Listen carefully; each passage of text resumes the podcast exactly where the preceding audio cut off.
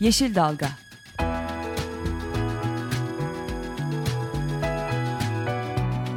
Çevre mücadeleleri üzerine.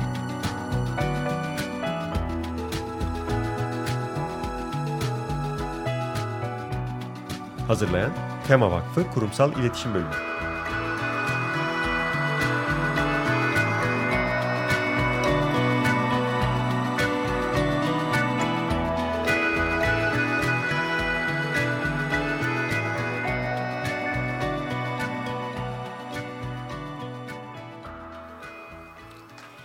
Yeni bir Yeşil Dalga programında daha, daha birlikteyiz. Programı hazırlayan ve sunan ekipten ben Özgül Erdemli Mutlu. Ben Gökşen Şahin.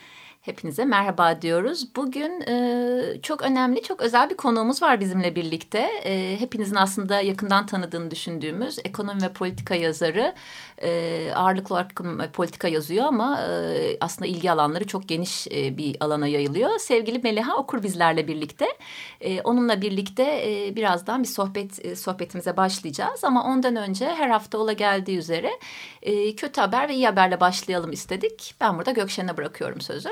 E, aslında haftanın e, kötü haberi de diyemeyeceğiz. Kafamızı karıştıran haberi üçüncü havaalanı haberiydi. Belirsiz Önce, haber. e, o belirsiz haber yani nereye doğru gittiğiyle ilgili bir şeyimiz yok, fikrimiz yok. E, önce yürütmeyi durdurma kararı aldı. Üçüncü havaalanının ÇED raporu. Onun arkasından e, mahkemenin kararına rağmen inşaatın devam edeceği yönünde Ulaştırma Bakanlığı'ndan açıklama geldi. Çevre Bakanlığı da henüz bu karar bize tebliğ edilmedi. Dolayısıyla e, konuyla ilgili beklemedeyiz dedi. E, bugün de Çevre Mühendisleri Odası'nın konuyla ilgili bir basın açıklaması var. Dolayısıyla orada biraz daha netleşecek herhalde. Bu konuyu çok fazla girmeyeceğiz. Zaten bizden önceki ekoloji ekonomi programında konuyu uzun uzadıya Çevre Mühendisleri Odası'yla konuştu arkadaşlarımız. Ee, iyi habere geçelim oradan hemen hızlıca. Aslında iyi haberi ben kısaca başlığını geçeyim ee, ama e, burada da Melih Hanım'la kendi sohbetimize girmeden onun da ilgi alanlarına direkt girdiğinden iyi haberi birlikte değerlendirelim. Değerlendirerek başlayalım isterim Melih Hanım. Ee, hidropolitik e, ekonomiyle, e, hidropolitik akademiyle ilgili olarak böyle bir haberim haber duyduk. Hidropolitik akademi kuruluyormuş. Ne yapacak bu? Neden bizim için önemli ve neden olumlu haberler kategorisinde değerlendirmek istedik? Sizden bir kısaca yorum alalım bununla ilgili. Ee, ee, önemsedim ben de Hidropolitik Akademi'yi. Ee, merkezi Ankara'da Türkiye'nin su politikası yok, toprak politikası yok. Toprağın ve suyun patronu da yok ama üniversite öğretim üyeleri yani akademisyenler, e, su konusunda kafa yoran e, aydınlar, doğaya gönül vermiş çevreciler hep birlikte böyle bir akademik kurmuşlar ve önemli konularda çalışacaklar. E bunu desteklemek lazım. Evet. Ben e, konuyla ilgili daha detaylı bilgi almak isterseniz hidropolitikaakademi.org adresinden girip bilgi alabilirsiniz. E, bu akademinin amacı e, özellikle e, web sayfası üzerinden çeşitli disiplinlerden öğretim üyesi ve Melih Hanım'ın dediği gibi öğretim üyesi ağırlıklı olmak üzere uzmanların ve akademisyenlerin görüş ve önerileri üreterek bunları paylaşacakları bir ortam olarak düşünülmüş. E, kısaca HPA diyorlar. E, bakalım biz de önümüzdeki günlerde suyla ilgilenen bir vakıf olarak HPA'yı da e, yakın e, takibe alacağız. Şimdi efendim ben e, e, olumlu haber Melih Hanım'la kısaca değerlendirdik ama tekrar bir hoş geldiniz demek istiyorum. Hoş bulduk. Yeşil Dalga'da sizleri ağırlamak Gökşen için benim için gerçekten bir onur ve e, radyo öncesinde kahveyle e, sohbetimizi yaparken zaten giriş yaptık. Onun için bu e, devam eden 25 e, dakika içinde de keyifli bir sohbet olacağını düşünüyoruz. Şimdi dinleyicilerimize Melih Hanım'ı tanıtmaya gerek yok. Ben hani direkt girdim. Ama Melih Hanım'la normalde ne konuşulur dediğimizde aslında herkesin beklentisi politika konusunda bu kadar uzun senelerdir yazan, ekonomi konusunda yazan bir kişi olarak hani politika ve ekonomi konuşacağımızı düşünüyorsunuzdur diyoruz ama orada yanılıyorsunuz. aslında her şey politiktir. O ayrı bir konu ama biz aslında e, Melih Hanım'ın yakından tanıyanların e, bildiği e, eko, ekonomiyi bir kenara bırakıp e, ekoloji üzerine bir sohbet yapmak istiyoruz. Tekrar hoş geldiniz programımıza. Sağ olun, sağ olun. Bana herkes dolar kaç para oldu diye soruyor. Ben kalıyorum.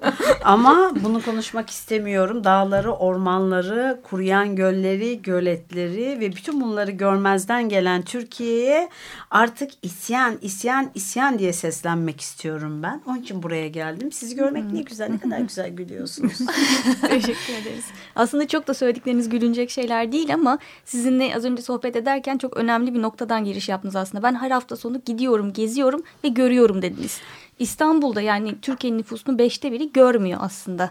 Doğanın İstanbul nasıl betona teslim oldu. Beton Evet. şehir metropolden ben de burada yaşayan biri olarak kaçıyorum. Neden? Hafta sonları dağlara, ormanlara, yaylalara gidiyorum. E, yaylaları gördükçe içim e, e, eriyor. Çok üzülüyorum. Çünkü geçen hafta e, yörük yaylalarındaydım. Hiç yörük kalmamış. Yörükler nereye gitti diye sorduk merakla. Tabii e, dediler ki Gebze'ye sanayi gelince yeraltı sularını sanayi çekince yörüklerin bulunduğu her yere de bakanlıklar arasında kavga Türkiye'de bitmiyor. Çamlar dikilince yörükler de kıl çadırları topladılar. Keçilerini, koyunlarını, ineklerini aldılar. Başka yerlere gittiler. Biz onların geri dönmesini istiyoruz dediler. Yani Türkiye'nin binlerce yıllık yayla geleneği bozuluyor. Kültürel ve miras bu. Yani Evet. baktığınız zaman her açıdan yani bu kültürel mirasın bozulmaya başlaması. bozuluyor, bozuluyor. Sisteme olarak bu konuda pek çok gönüllünüz e, araştırma yapıyor. Kamuoyuna bu konuyla ilgili bilgi veriyorsunuz ama ben özellikle bunun altını bir daha çizmek istiyorum. Dağlar, ormanlar, yaylalar bir bir gidiyor ve biz büyük bir aymazlık içerisinde sadece politikayı, sadece kim ne olacak bunu tartışmayı tercih ediyoruz. Evet aslında öteki dediğin yani doğayı tartışmak aslında yine kendi geleceğimizi tartışmak ama konuyu siyasete değil doğrudan gerçek hayata indirgemek gibi işte dediğiniz gibi yöreklerin kaybolması demek çok uzun bir Anadolu kültürünün yok olması demek. Yine işte bir başka örnek Ilısu Barajı'nın yok olması binlerce yıllık Hasankeyf'in ve oradaki başka bir kültürün yok olması demek. Ya da çok Dolayısıyla- pratikte 3. Havalimanı ile ilgili olarak bizim vakıf merkezinden iki arkadaşımız 3. Havalimanı kararını hızlıca geçtik e, haberi. E, çünkü az önceki programda Mahir e, detaylı bahsediyordu. Daha geçen cuma Melih Hanım bizim hani zaten ilgi alanımıza giriyor. Büyük projeler diyoruz. Büyük deyince de olumlu anlamda demiyoruz tabii ki maalesef yani hani doğayı büyük ölçüde Türkiye'deki etkileyecek. büyüklüğe karşı olan biri olarak. Aynen, yani gayet hani o konuda hemfikiriz sizinle. Şey de lafı şuraya getireceğim. Üçüncü havalim, havalimanının bölgesine orman mühendisi arkadaşımız Ferhat'la şehir bölge plancısı arkadaşımız program yapımcılarından da Esra e, bölgeye gittiler. E, ve orada ya zaten biz kağıt üstünde de biliyoruz planlara baktığınızda da görüyorsunuz meralar var. Hani nasıl etkilenecek üçüncü havalimanı e, yapıldığı durumda durum. Hani burada konuşuyoruz yörükler sizin hani gözleminize bakıyoruz. Her Türkiye'nin her tarafında bu e, Anadolu kültürünün etkilenmesi bir yandan da dibimizde İstanbul nüfusu Türkiye nüfusunun beşte biri yaşıyor dedik. Önemli mera alanlarının olduğu bir yer üçüncü havalimanı bölgesi. Ne olacak oraya üçüncü havalimanı yapılınca? Meralar gidecek, hayvancılık bitecek gibi gibi. Dolayısıyla e, politika konuşmazken bile aslında e, politika konuşuyor oluyoruz. Demokrasinin geleceği yeşile sahip çıkmaktan, yeşile sahiplenmekten geçer. Sadece sandığa oy vermek yetmez. Dolayısıyla siyaset, ekoloji, ekonomi arasındaki geçişkenliği ve bağları çok iyi analiz etmek durumundayız diye düşünüyorum. Siz bu geçişkenlikleri çalışırken aslında e, enerji konusunda özel ilgi alanınız. Yani ağırlıkla politika, ekonomi derken baktığımızda e, enerjiyle de hem köşe yazılarınızda hem e, konuk olduğunuz programlarda değiniyorsunuz. Ama sizin hep de bütünsel olarak bakmaya çalıştığınızda gıda, toprak, su, enerji bütün e, Yepyeni bir yüzyıl var. kuruluyor. Geçen yüzyılda fosil yakıtın özellikle petrol ayağındaki paylaşım kavgası sürüyordu. O yüzden bu coğrafyada fosil yakıtın merkezi diye çok kan aktı, acılar yaşadı bu bölgenin insanları. Bu yüzyılsa kaynakların paylaşımı yüzyılı. Su, gıda, e, özellikle çevre ve enerji konularında paylaşım savaşı olanca hızıyla sürüyor. Ama bu paylaşım savaşına baktığımızda biz Türkiye olarak neredeyiz? Bunlarla ilgili kafa yormuyoruz. Dersimizi çalışmıyoruz. Beni ilgilendiren yan şu. Ben her hafta sonu doğadayım, dağlardayım. Her yer çiçek açmış, çayırlar yeşermiş. Dün Ankara'da hava 17, bugün yine 17 derece. Bahçemde evimin önündeki ağaçlar, erikler çoktan açtı. Şimdi ben buna bakınca ürküyorum ve korkuyorum. Çünkü doğa aslında bize sinyal veriyor ve biz o sinyali ısrarla görmek istemiyoruz. Çünkü Türkiye bu yıl mevsimsel bir kuraklık yaşıyor. Her 8-10 yılda Türkiye kuraklık yaşıyor. Orta şiddette. 12-13 yılda ise şiddetli kuraklık yaşıyor ve iklim düzensizliği dediğimiz yani bir düzensizlik var ortada ve biz bunu görmezden geliyoruz. Asıl felaket bu. Siyasetteki e, karmaşayı da düzensizliği de iklimdeki düzensizliği de görmezden gelmenin faturası bu ülkeye çok ağır olacak. Ben bunu anlatmak istiyorum. Çünkü bizim özellikle toprak ve su güvenliğimizi riske eden bir durumdur bu. Bölgesel e, pozisyonumuzu etkileyen bir durumdur. Olaya bu çerçeveden bakmak durumundayız. E, ne yazık ki bakmıyoruz. Tarım Bakanlığı daha yeni kuraklık eylem planı hazırlamak üzere harekete geçti. Ben günaydın demek zorundayım.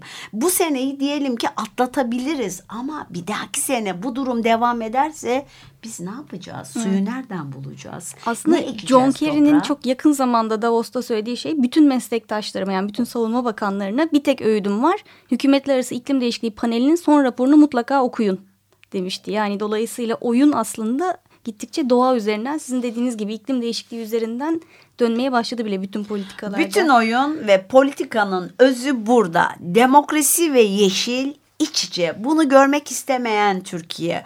Eğitim yaş ortalaması 6.3 olan Türkiye'ye sizin gerçekten gönüllü bir neferlik yaptığınızı biliyorum ama bizim hepimizin de bu konuyu e, gündemde tutmamız lazım. Ben bir gazeteciyim. 30 yılı aşmış gazetecilik yapıyorum.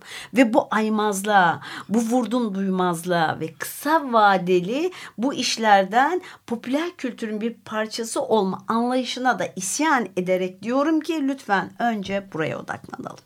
Zaten aslında derken yani demokrasi meselesi olduğunu çok güzel özetlediniz. Baktığımız zaman da e, genel olarak e, en iklim değişikliği olsun, genel e, doğa sorunları olsun. Baktığımızda iklim değişikliği bunlardan maalesef çok hızlı bir şekilde etkilerini gördüğümüz ama hepsi de birbiriyle ilintili o ayrı.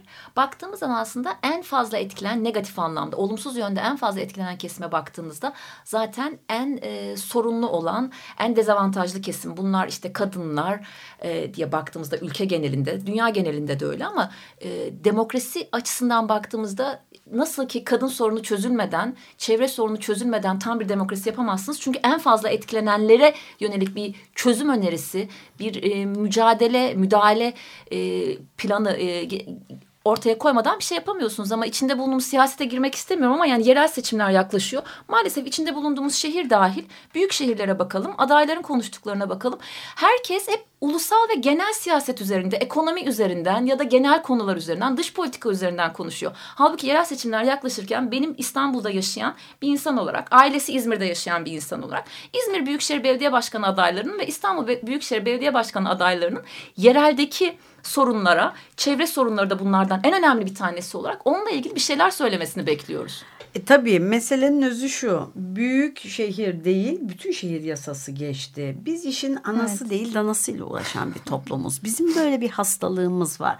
Büyük büyük laflarla konuşmak bizi sanki çok büyük yapıyormuş gibi olaya bakıyoruz. Oysa ben Meliha olarak nasıl ayakta duruyorum, sorunları nasıl çözüyorum, ne istiyorumu doğru anlatırsam birey olurum ve demokrasiyi ancak öyle kurumsallaştırabilirim. Birey hakkı çok önemli. Şimdi Türkiye'de hakikaten çok ciddi bir sorun var. Ee, yerel seçimler yaklaşırken tek ideolojik e, anlayış üzerinden kurumsallaşan demokrasi çökünce Türkiye mezhepçilik, ırkçılık ve dini değerler üzerinden politika yapmayı tercih etti. Gerçekten bu ciddi bir sorun. Aynı şekilde bütün şehir yasası geldi. Hiçbirimiz bakmıyoruz. 40 tane 30 Mart sonrası e, idari ve finansal özelliğe sahip şehir doğacak ve önümüzdeki dönemde toprak ve su henüz patronu yok. Hangi bakanlık patron o da belli değil. 40 tane şehir toprağa ve suya erişemediği için önümüzdeki dönemde şehir kavgaları görmeye başlayacak Türkiye. Bunlar masal gibi. Aynı zamanda Türkiye bugün yanan Türkiye, kuraklığı konuşan Türkiye 6 yıl sonra biliyorsunuz Kuzey Kutbu e, mini buzul dönemine giriyor. Mini buzul dönemiyle tanışacak. Su yok. Her yer donacak. Hangi toprak ekilecek? Ne yenilecek? Bu bile belli değil. Bunlar sanki bize çok uzakmış gibi geliyor. Köylerde köyler gitti ya. Köylüler mezarlarını nereye gömeceklerini bilmiyorlar. Tarlaları ekilemiyor. Hayvanlar her yerde beslenemeyecek. Meracılık bütün anlayış değişiyor. Bunları konuşmuyoruz ama işte dediğiniz gibi ideolojik her şeyi konuşuyoruz. Ama ben bu e, şeye üç noktaya dikkat çekmem lazım. Birincisi bu kuraklık olduğu gibi su sorununu çok ciddi bir e, duruma getiriyor. Türkiye'nin bir su politikası yok. Birinci Türkiye'nin bir su bu. yasası yok. Su yasası 50, yok. 53 tane farklı yönetmelikle düzenleniyor su ama nasıl bunların bir iştir ya? Bu nasıl yani. bir iştir? Siz nasıl çalışıyorsunuz? Ama bunları düzenleyen bir çerçeve yasa yok. Biz de zaten 2010 senesinde şeye başladık aslında Melih Hanım. Yani hakikaten bu su kanunu, su önemli bir soru da 2010 senesinde bir uzmanları, bilim insanlarını, avukatları kendi bünyemizde ve dışarıdan olanlar bir araya getirip bir su kanunu yazmaya başladık. Ee, nasıl ki toprak kanunu Tema Vakfı yazdı ve bunun lobisini yaptı. 2010'da o yapıldı. Ee, 2010'da başlandı. 2012'de e, bunun tanıtımı yapıldı. Ee, yani basınla, kamuoyuyla paylaştık. Devletteki farklı me- mecralarla, mercilerle paylaştık. Ee, ama ondan sonra aynı sene içinde 2012'de bu sefer bakanlığın da bir su e, kanunu hazırlığı oldu. Yani şu aşamada hepimizin yani bizlerin dediği ve sadece Tema Vakfı değil pek çok bu alanda çalışan kişilerin dediği suyla ilgili olarak su yönetimini bütünleşik bakan bir çerçeve, Yok. bir ana su kanunu olması lazım. Ee, dolayısıyla mevcut şeyi de e, mevcut yasa tasarısını da etkilemeye çalışıyoruz. Evet, diğer iki noktaya gelelim. Tabii ama su konusu çok önemli. Evet. Çünkü suyun patronu belli değil. Evet. DSE'nin bas- yetkileri gitti. Başka su işleri yani Su Bakanlığı başka bir genel müdürlüğe bağladı. Kurumlar arasında kavga var. Bakanlıklar arasında çekişme var. Dolayısıyla iş ortada top oynanıyor. Ben bunu çok yakından izleyen biri olarak biliyorum. Birinci su konusu su konusu çok hassas. Çünkü su biz susuz kalacağız ama bak su Kıbrıs'a barışı getiriyor. Bunu çok önemsiyorum. İkincisi Şubat'tayız. Mart geliyor, Nisan geliyor. Yağmur yok, çiftçi bitik. Kim buğdayı ekecek? Toprak nasıl ekilecek? Bu sene hasat ne olacak? Bizim buna kafa yormamız gerekmiyor mu? İşte dedim ya Evet. Tarım Bakanlığı daha yeni toplanmaya başladı. E hazırlasın ne yapalım? Biz her şeyi yani kervan yolda düzülür mantığıyla iş yaptığımız için bu işi de aynen o mantıkla yapıyoruz. Ama bu coğrafyanın bir özelliği var. Bu coğrafyada gaz var, petrol var. Yani fosil yakıt zengini bu coğrafyada büyük güçler fosil yakıta sahip olabilmek için kan akıttılar geçen yüzyılda. Ama bu coğrafyanın en büyük özelliği bu coğrafyanın halkları sadece ve sadece ekmek için isyan eder. Bu coğrafyada buğday yoktur. Çünkü gidin aşağılara körfeze bakın toprak mı var? Fos petrol var toprak yok. Dolayısıyla biz şanslı ülkeydik. Şu an o şans gidiyor. Ekmek olmazsa isyan çıkar. Bu ülkedeki yoksulluk sınırını da biliyoruz. Dolayısıyla ben bu konuyu çok önemsiyorum. Ekmek isyanlarının olduğu bu coğrafyada ekmeği çöpe atan Türkiye, ekmeğine bile sahip çıkamayan Türkiye'nin çiftçisi 19,5 milyon ton buğday rekoltemiz her sene gerçekleşiyordu. Bu sene ne yapacak? Bu çok ciddi bir konu. Buna Evet. kafa yormamız gerekiyor. Ee, tabii üçüncü konuya baktığımızda da enerji diye geçiş yapacağım. E, yani fosil yakıt üzerinden gitmeyeceğim ama su ve enerji arasında birebir su, enerji ve toprak iç içe geçmiş üç konu. E, biz e, suda kaynak ülkeyiz. Su tutmayı beceremedik. 12-13 yıldır e, hidroelektrikler, termikler, barajları tartışıyoruz. Halbuki biz su biriktirmeliydik. Su politikamız olmadığı için su da biriktiremediğimiz için şimdi bu sene barajlar, göller, göletler bomboş. Biz bunları neyle dolduracağız? Evet. Bunun üzerine kafa yoran var mı Türkiye'de? Yeraltı suyunu çektik. Ee, Yeraltı- barajların Yeraltı böyle suları- Nehirleri, nehirleri kurudu. Yeraltı Yeraltı suları devletin zaten. Yeraltı sularında patron devlet, devlet orada sabıkalı. Neden? Çünkü en güzel suları yerleri kime veriyor? Sanayiye veriyor, yok ediyor. Şimdi bu barajların, göletlerin dolma meselesi çok ciddi. Çünkü hani bana dolar kaç para oluyor diyenler var ya ben biliyorum ki gazetecilik yaptığım süre içerisinde bundan sonraki süre içinde birileri birilerinin kulağına aman barajlar boş ya ne takıyorsunuz kafaya gelin biz sizin barajları dolduralım çok güzel iş fırsatı var diyenleri duymaya başlayacağız. İşte beni asıl ürküten konu bu. Yani Türkiye susuzluğunu deniz suyunu kullanılabilir suya çevirmeyle asıl ekolojik çevresel felaketi başlatabilir. Benim korkum olduğu için aslında ben bu kanunun altını ısrarla vurgulayarak çizmek zorundayım. Buna karşı dikkatli olmak zorundayız. Aslında biz biz- pardon zincirleme bir sorunu bir yerden başlattık. Yani düzgün bir su politikamız olmamasıyla doğru bir e, yani tarım topraklarını korumak örneğin işte her her ay neredeyse ortalama her ilde toprak koruma kurulları toplanıyor ve bu toprak koruma kurullarında tartışılan neredeyse tek konu hangi araziyi tarım arazisi olarak yapılaşmaya açalım. Şimdi bu ama aynı zamanda toprak koruma kurullarının bir diğer görevi de Türkiye'nin tarım arazisi varlığının belirlenmesi. Bu şimdiye kadar hiç yapılmadı kanun geçtiğinden beri örneğin. Ama diğer tarafta yapılaşmaya Amaç açılıyor. dışı kullanıma Evet. açmak hep bu konuşuluyor. Örneğin bu Rant. zincirin ilk ha- har- Rant. halkası. Rant. Bu suyu Rant. tetikliyor. Arkasından yapılaşma gelince tabii ki su tüketimi artıyor. Onun arkasından sizin dediğiniz gibi e, kuraklıkla beraber çünkü fosil yakıta yatırım yapıyoruz ve iklimi değiştiriyoruz. Gelen kuraklıkla beraber bu sefer o işte yine sizin dediğiniz gibi rant için yapılan barajlar boş kalıyor. Bu sefer bir, bir başka işte e, Yeni mucizevi çözümle aman yeni aman aman e, Zincirleme e, e, şey kaynak e, yani suda kaynak ülke olup da deniz suyuna muhtaç olan ülkelere ne deniliyor dünyada biliyor musunuz? Ben böyle bir kelimeyi kullanmak istemem ama kullanıyorum tırnak içinde. Aptal değil, aptal ötesi aptal deniliyor. Dolayısıyla Türkiye aptal bir ülke olamaz. Çünkü e, di- diyelim ki Ankara barajları yeni Büyükşehir Belediye Başkanı geldi. Ankara'da barajlar bomboş. Biri kulağına fısıldadı. Dedi ki doldururuz bu barajları. Neyle doldururuz? E, bir tesis kurarız. Çok avantajlı yatırım. Denizden su çekeriz. Diyelim ki 100 birim su çektiniz. Ancak 40 birimini kullanıyorsunuz. 60 birim su yeniden denize dönüyor. Üstelik tuzlanarak dönmüş oluyor. Dolayısıyla Üstelik ekolojiyi etkileyerek olduğu gibi aldığı şekliyle doğal klimatolojiyi, bütün ekolojiyi alt üst ediyor. Bir de oradan diyelim ki çektiniz tuz tuz tuz tuz dağları oluşuyor. Ben size sormak zorundayım. Hangi tuz dağından bugüne kadar elektrik üreten var? Ne yapacağız biz bu tuz dağlarına? Çok şey ciddi bir konu bu. Bu konu için şimdiden hepimiz harekete geçmeliyiz. Hepimiz aptal ülke konumuna düşmemeliyiz. Ee, Türkiye'de Çevre Bakanlığı, Orman Bakanlığı, Orman ve Su Bakanlığı ve Dışişleri Bakanlığı'nın açıkçası su politikaları konusunda çok acilen bir konsensus içinde çalışması. ve de Tarım Bakanlığı'nda tarımı Tabii ki, tarımsal sulama tabii ki, tabii ki. alındığında. Peki bir şey daha sormak istiyorum. Tabii. Şimdi hazır bu enerji konusuna girmişken yani toprak ve su ilişkisine girmişken bir başka şimdi Türkiye'ye yeni gelmeye başlayan sorunlardan bir tanesi de kaya gazı araştırmaları. Onları biliyorsunuzdur belki. Ee, shale gazı dememiz Evet. doğru olur. Türkiye'de İşte Türkçesi Evet. onun kaya gazı Kayaç olarak gazı, geçiyor. evet.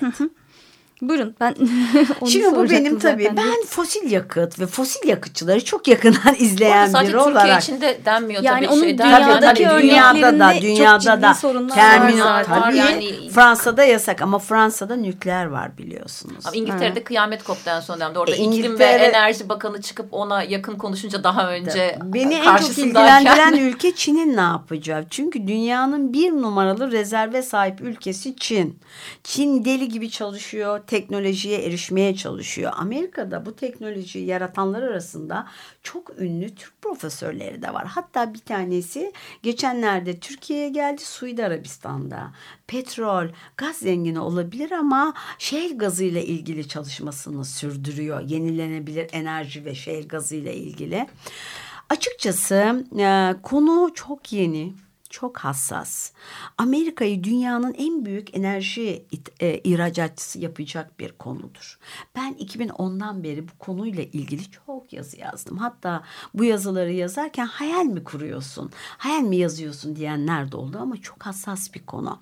Türkiye e, kayak gazı konusunda çok zengin rezervlere sahip bir ülke değil. Tıpkı petrolde olduğu gibi. Dolayısıyla Türkiye'de nedense Enerji Bakanlığı falan çok fazla heyecan yaratmak istiyor. Politik bir malzeme olarak kullanıyorlar. Biz orada duralım. Biz enerjide geçiş ülkesi olduk. Bunu kabul edelim boru hatlarıyla. E bu oyunda sürecek. TANAP'ta proje biz onlara bakalım şimdi.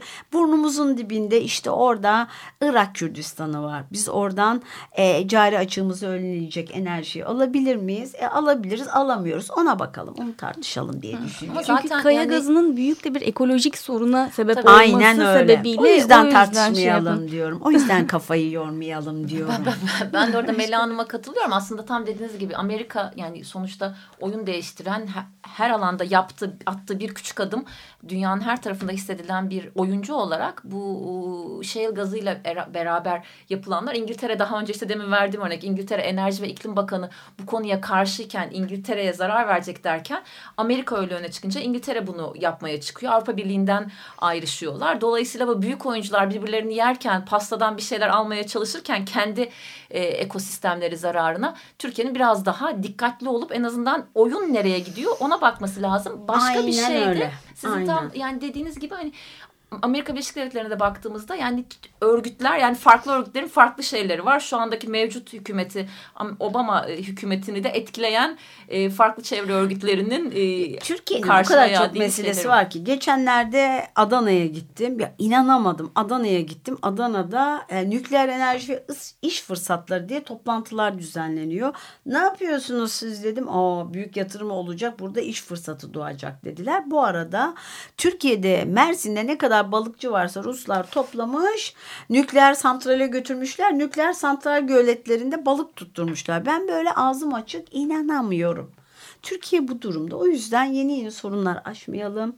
Taşımız, toprağımız, havamız ve suyumuz bize özel. Buna sahip çıkalım. Hı. Çok teşekkür ederiz Melih Hanım. Bugünkü stüdyo konuğumuz Ama bir barış suyuna giremedik Kıbrıs'a. Başka zaman konuk ederiz. Kıbrıs çok önemli. o zaman bir başka programda da Olur. Kıbrıs'ın Belçika su- modeli geliyor şey yapalım. Kıbrıs'a. Barış suyu geliyor ve bambaşka bir Kıbrıs Doğu Akdeniz'de başka bir ada ülkesi doğuyor. Çok önemli. Bu böylece o şey diliyle hani teaserını vermiş olalım size. Başka birkaç program sonrası. Olur. Biz Melih Hanım'ı konuk etmekten çok büyük keyif duyduk. İnşallah tam da sizin şu anda önerdiğiniz bu program başlığıyla birlikte bu konuyu da değerlendirelim. Benim programı kapatmadan önce küçük bir duyurum var. Ee, bir tanesi aslında bir, bir duyuru yapacağım vakit az kaldığı için. Biliyorsunuz adım adım oluşumu e, Tema Vakfı yararına adım adım oluşumu e, 8 STK yararına Avrasya ve Antalya maratonlarında koşarak e, gönüllü destek sağlıyor. Kaynak e, buluyorlar e, STK'ların projelerine. 2 Mart'ta da Antalya'da, Antalya'da maraton koşulacak. Bunun için e, daha detaylı bilgi almak isterseniz lütfen adım adımın web sitesine girin. E, ama özellikle de e, Tema Vakfı yara- yararına koşan koşucularımıza destek olarak Dünyayı Kurtaran Adım projesi için kaynak bağışı yapın. Helal olsun diyeyim. Adım adımçıları biliyorum. Onlar çok eski arkadaşlarım, ahbaplarım. 2001 kriz mağdurları. Şimdi programın sonuna geldik bu haftada. Önümüzdeki hafta görüşmek üzere. Şimdilik hoşçakalın. Hoşçakalın. Yeşil Dalga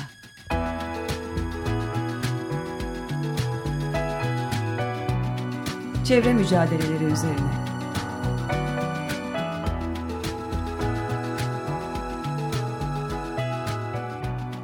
Hazırlayan Tema Vakfı Kurumsal İletişim Bölümü.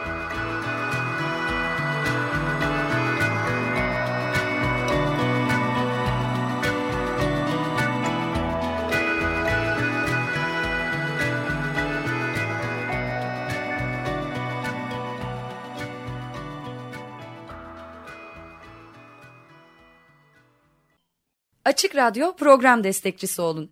Bir veya daha fazla programa destek olmak için 212 alan koduyla 343 41 41